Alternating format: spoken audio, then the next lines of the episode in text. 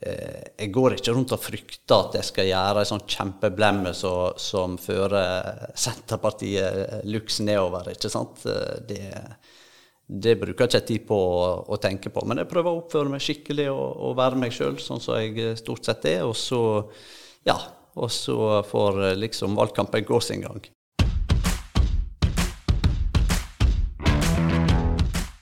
Kampen om stortingsbenken i Sogn og Fjordane er en podkast av Eirin Årdal og Anne Mette Gjelle. I denne podkasten inviterer vi deg bak sceneteppet i valgkampen, og du får bli bedre kjent med ni førstekandidater. Hallo til deg som hører på. Jeg heter Eirin. Og jeg heter Anne Mette. Gjesten vår i dag er 42 år, fra Bremanger, men har bodd i Gloppen i mange år. Han har vært vara på Stortinget tidligere og har møtt som fast representant. Men nå er han førstekandidat for Senterpartiet. Velkommen, Erling Sande. Tusen takk. Du, du har hatt en pause i politikken i åtte år.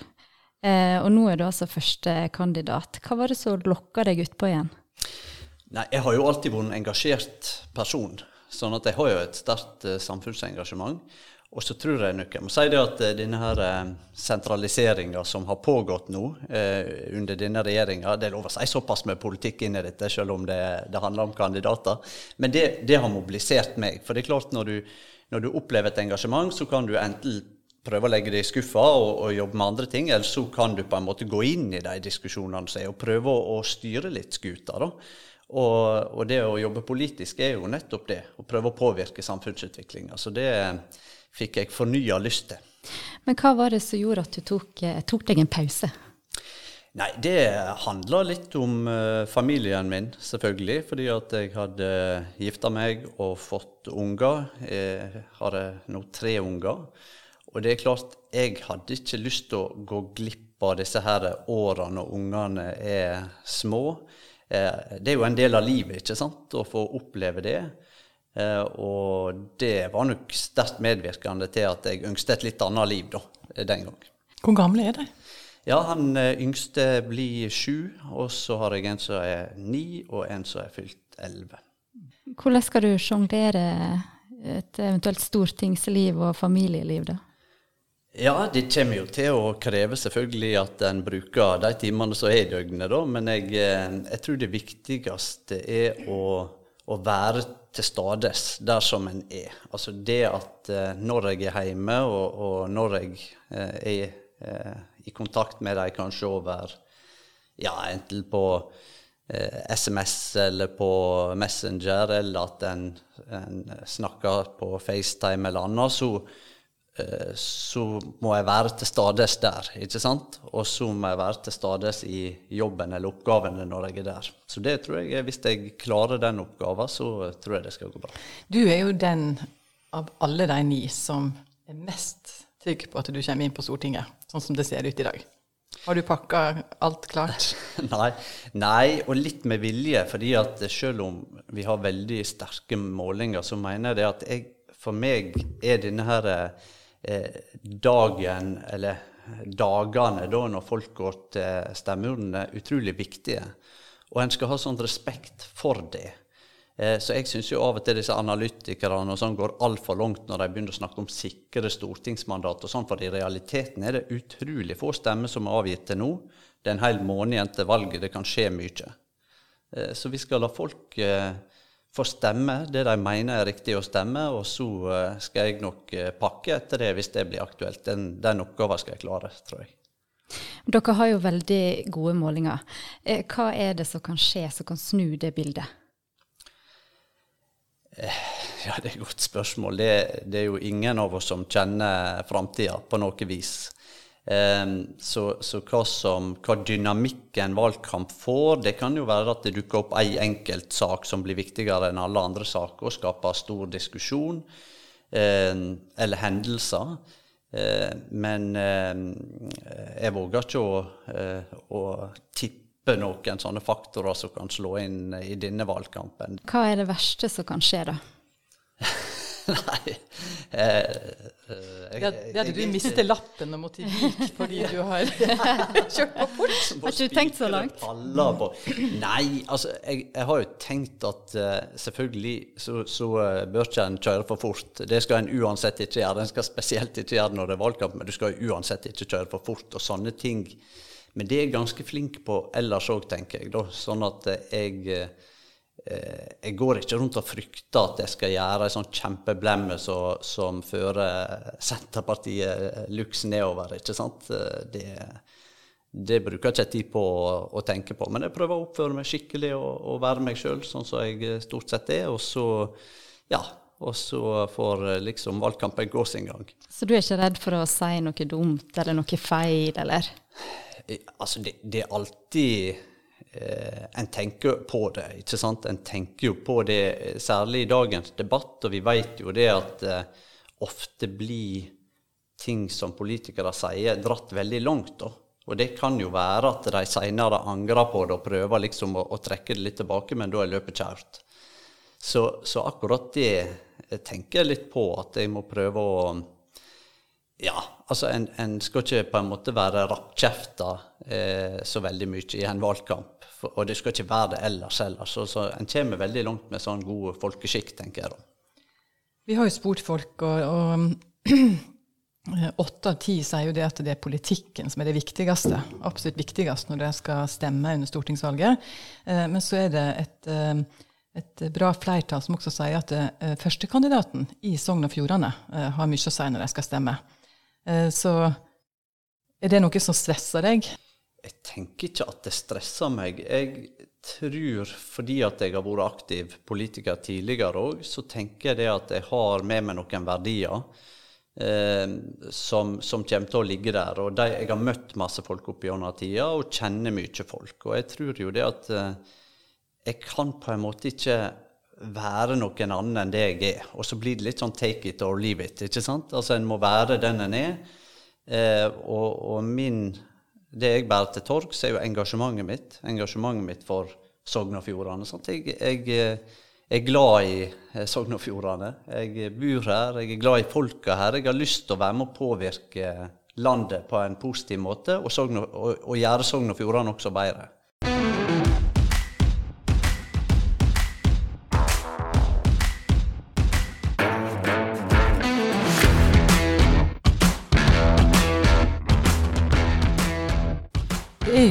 Mange partier som misunner Senterpartiet litt eh, i valgkampen. For dere har jo så mange lokallag å, å spille på i Sogn og Fjordane, eh, og Vestlandet generelt. Eh, Hva slags maskineri er det som er i gang akkurat nå? Fortell litt om det.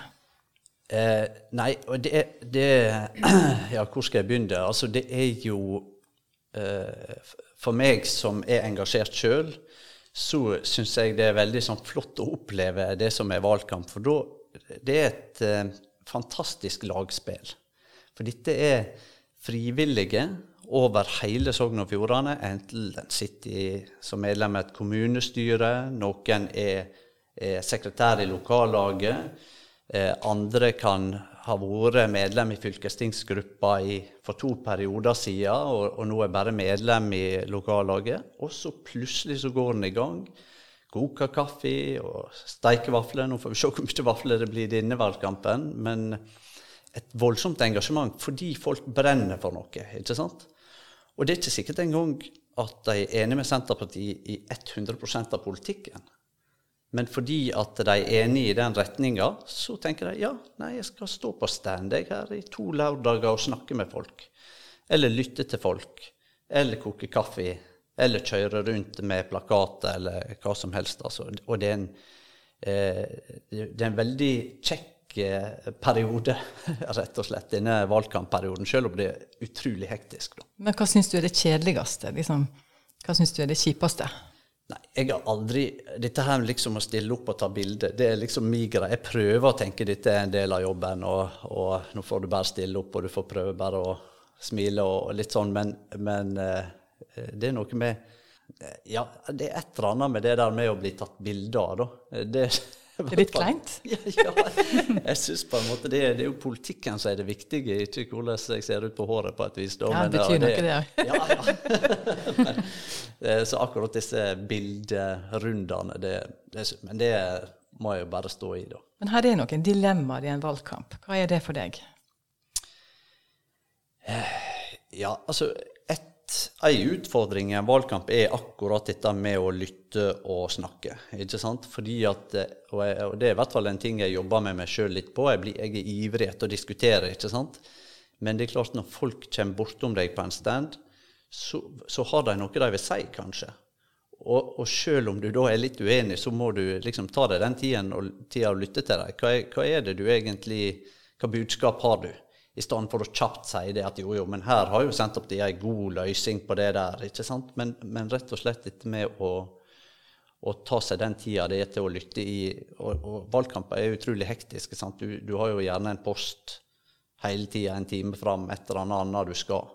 Men, um, men det er et dilemma i en valgkamp. eller Det er viktig å, å ta seg den tida. Fordi vi skal huske det at nettopp dette her med at så mange politikere er ute, å møte folk. Det er selvfølgelig viktig for politikerne for å få fram sitt syn.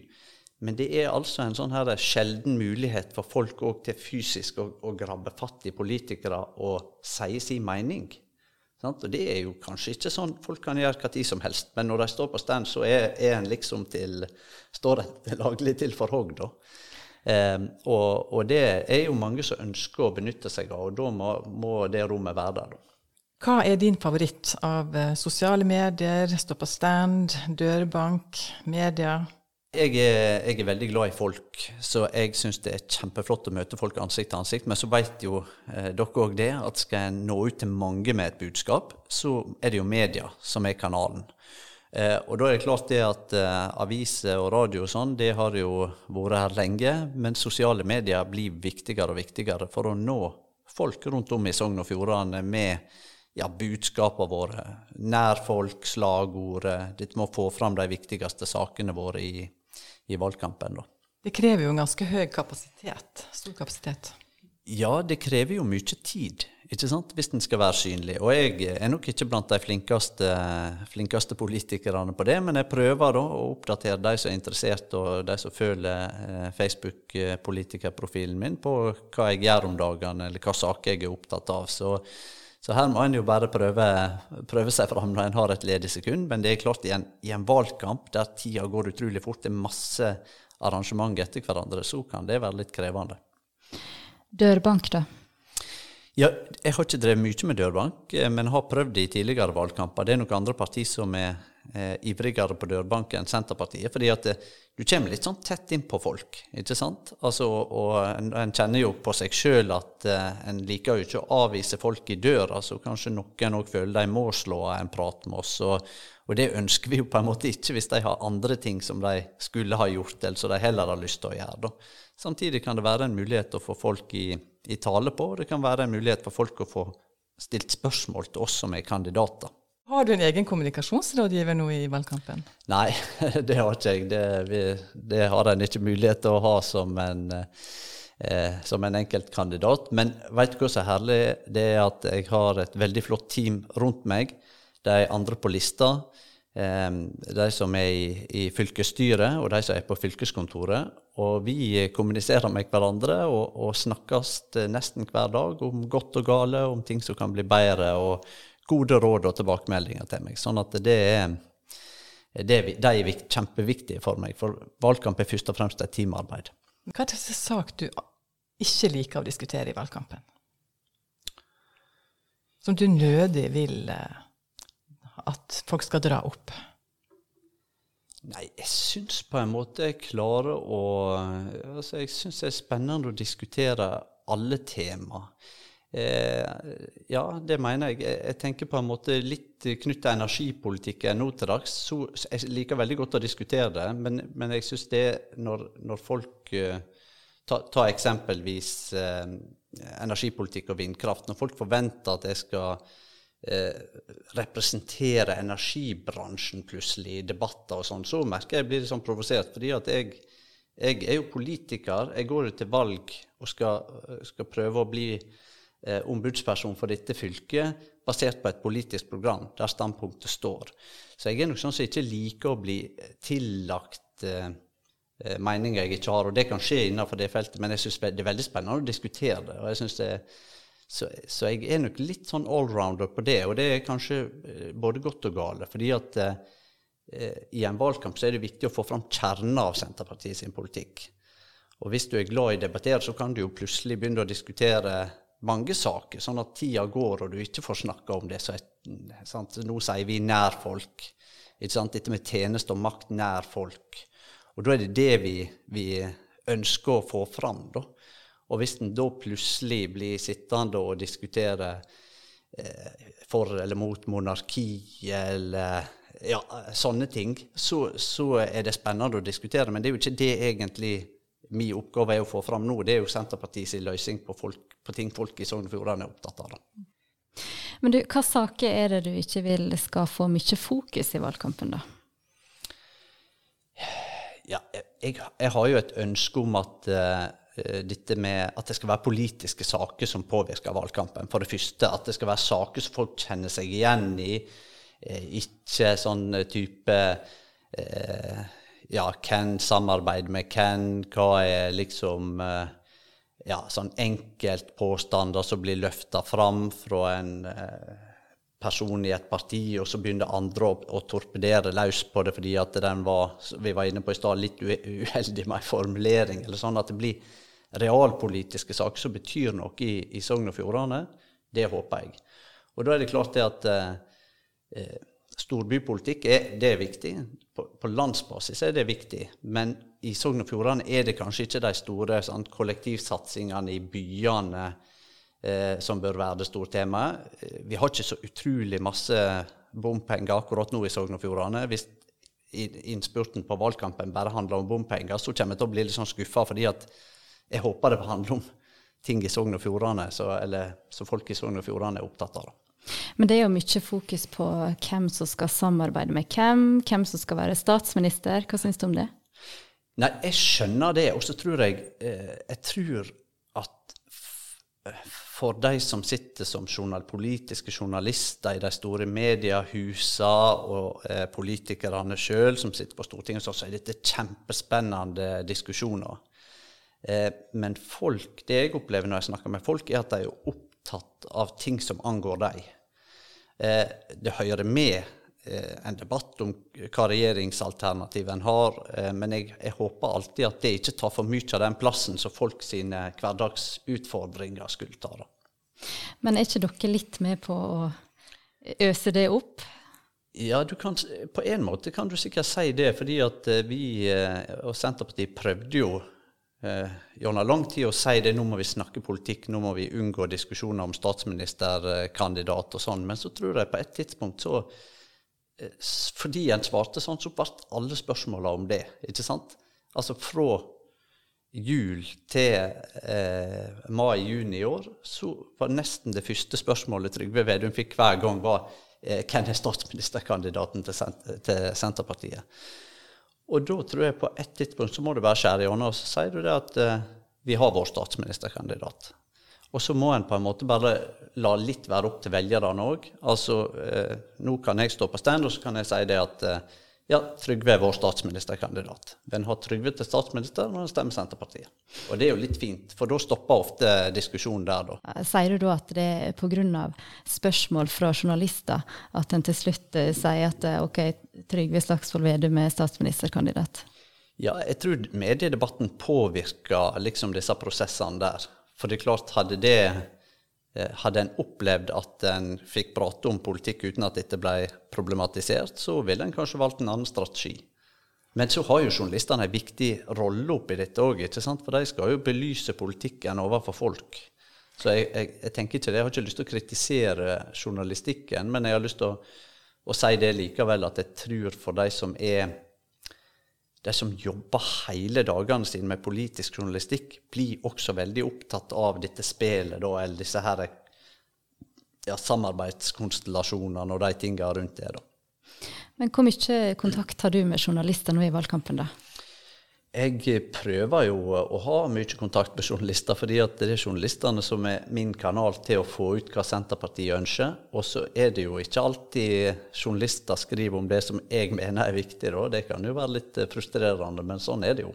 Ikke sant? Eh, en må på en måte ja, en må prøve å gjøre Senterpartiet sin politikk eh, spennende, da, tilgjengelig for folk. og da er jo journalistene kjempeviktige. Og det er jo de er jo ofte hva skal vi si, veldig eh, mye flinkere òg enn kanskje vi politikere på å fargelegge ei sak på en sånn måte at den blir tilgjengelig for folk.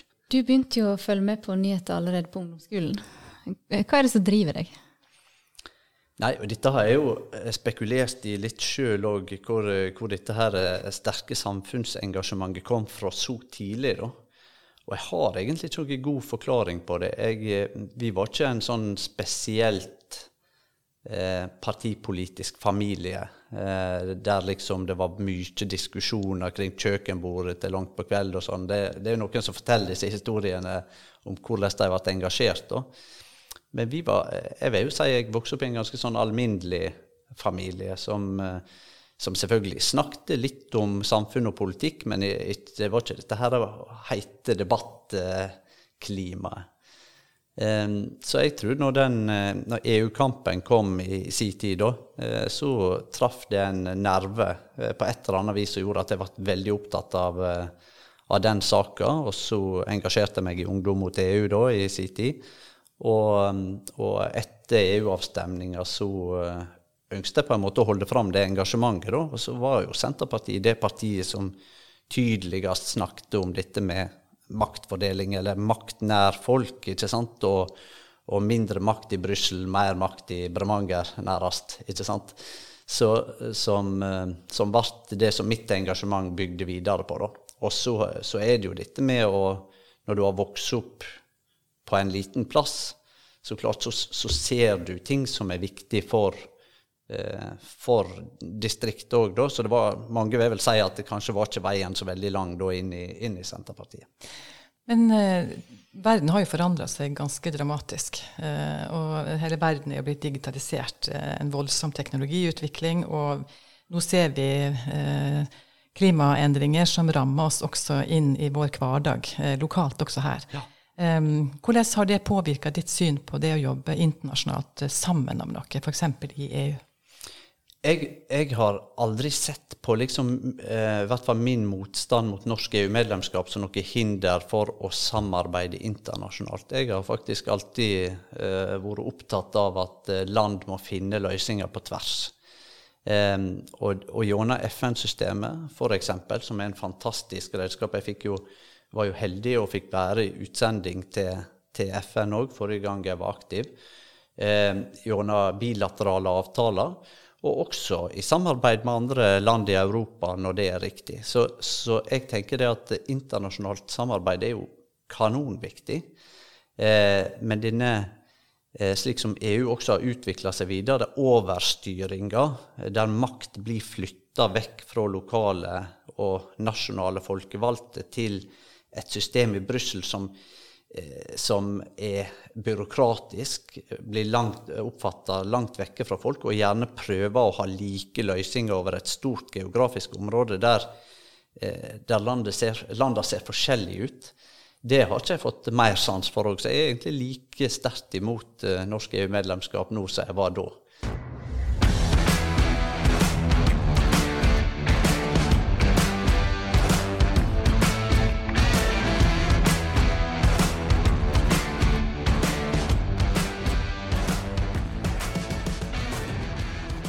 Du nekta uh, å fortelle noe om at du har pakka koffert og alt er klart. og, og sånne ting, Men du har jobba lenge med valgkampen, uh, nøye planlagt. Uh, og det må jo være en posisjon du har sett ut deg som er ekstra spennende i et regjeringsapparat? Jeg, jeg, tror litt sånn med handa på hjertet jeg kan si at der er jeg ganske flink til å holde fokus på det som er jobben nå.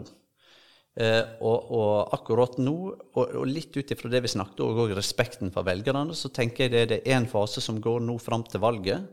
Og den handler om at eh, da har partiet sagt Erling, eh, du, skal, du skal toppe lista.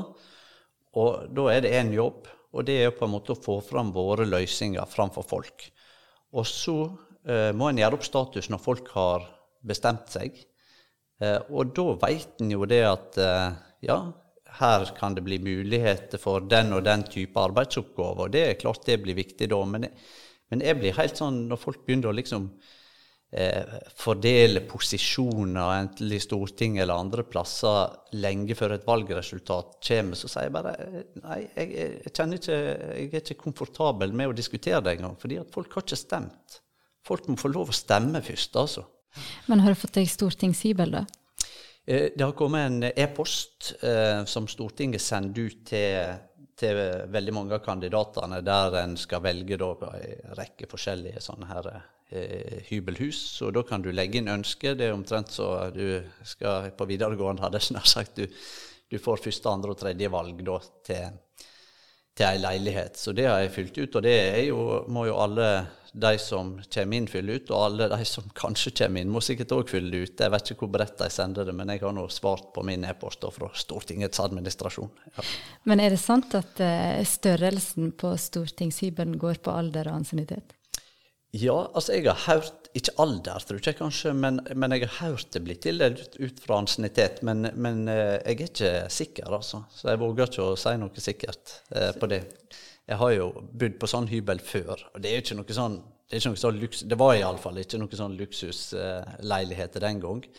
Og på en måte like greit, for når du ser hva du bruker den til, så er det jo egentlig til å sove. Og jeg hadde, jeg, eh, jeg hadde jo veldig tynt i kjøleskapet òg, sånn at jeg, eh, jeg åt jo eh, jeg åt jo mye i kantina på Stortinget og sånn da, fordi at du det er så intensivt når en er der, særlig når en ukependler. Så må en bare nytte dagene fullt ut, nettopp for å, å, å kunne være litt til stede hjemme når en er hjemme. Så, så det, da blir liksom ikke prioriteten å pynte opp på hybelen og, og invitere til sammenkomster der. Liksom. Men du, hva var det du hadde i kjøleskapet, da?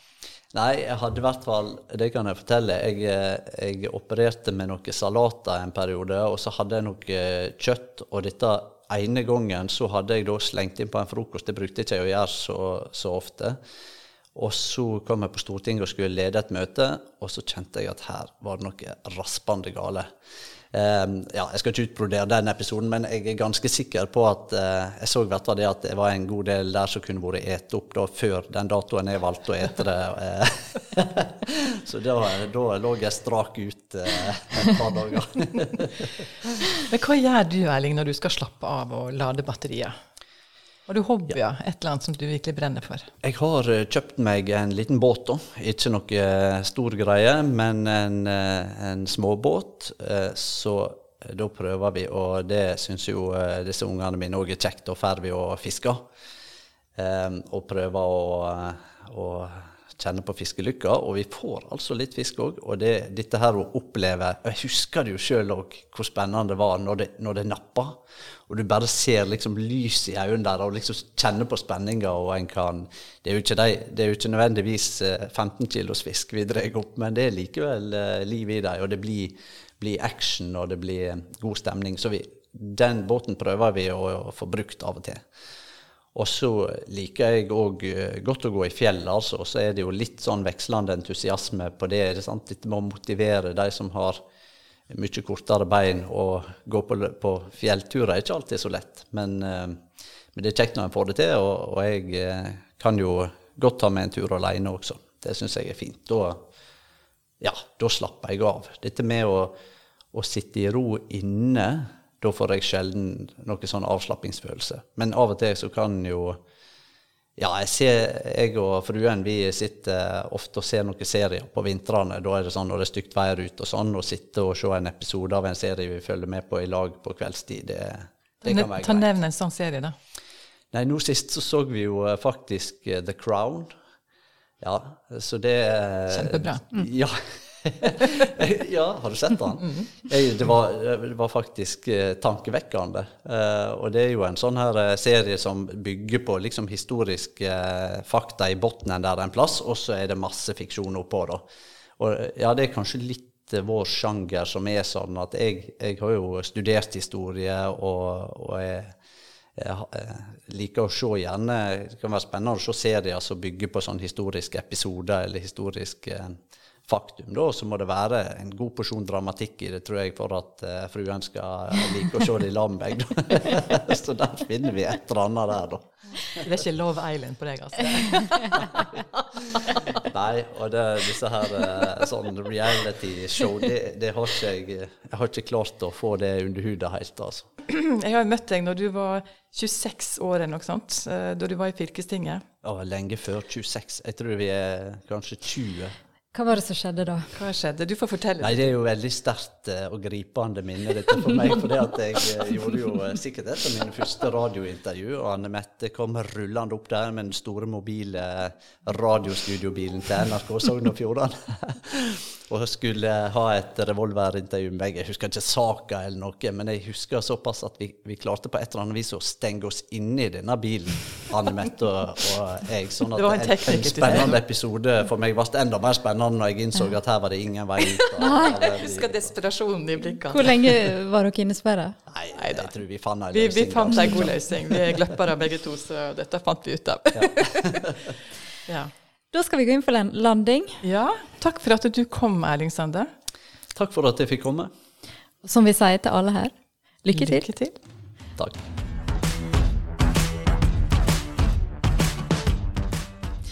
Tusen takk for at dere hørte på. Vi har flere episoder. De kommer, de, vi ruller dem ut på løpende bånd. Perler på en snor. Finn oss på Facebook. Det er Kampen om stortingsbenken SFJ. På Spotify. Og på Podbean. Ha det. Ha det godt.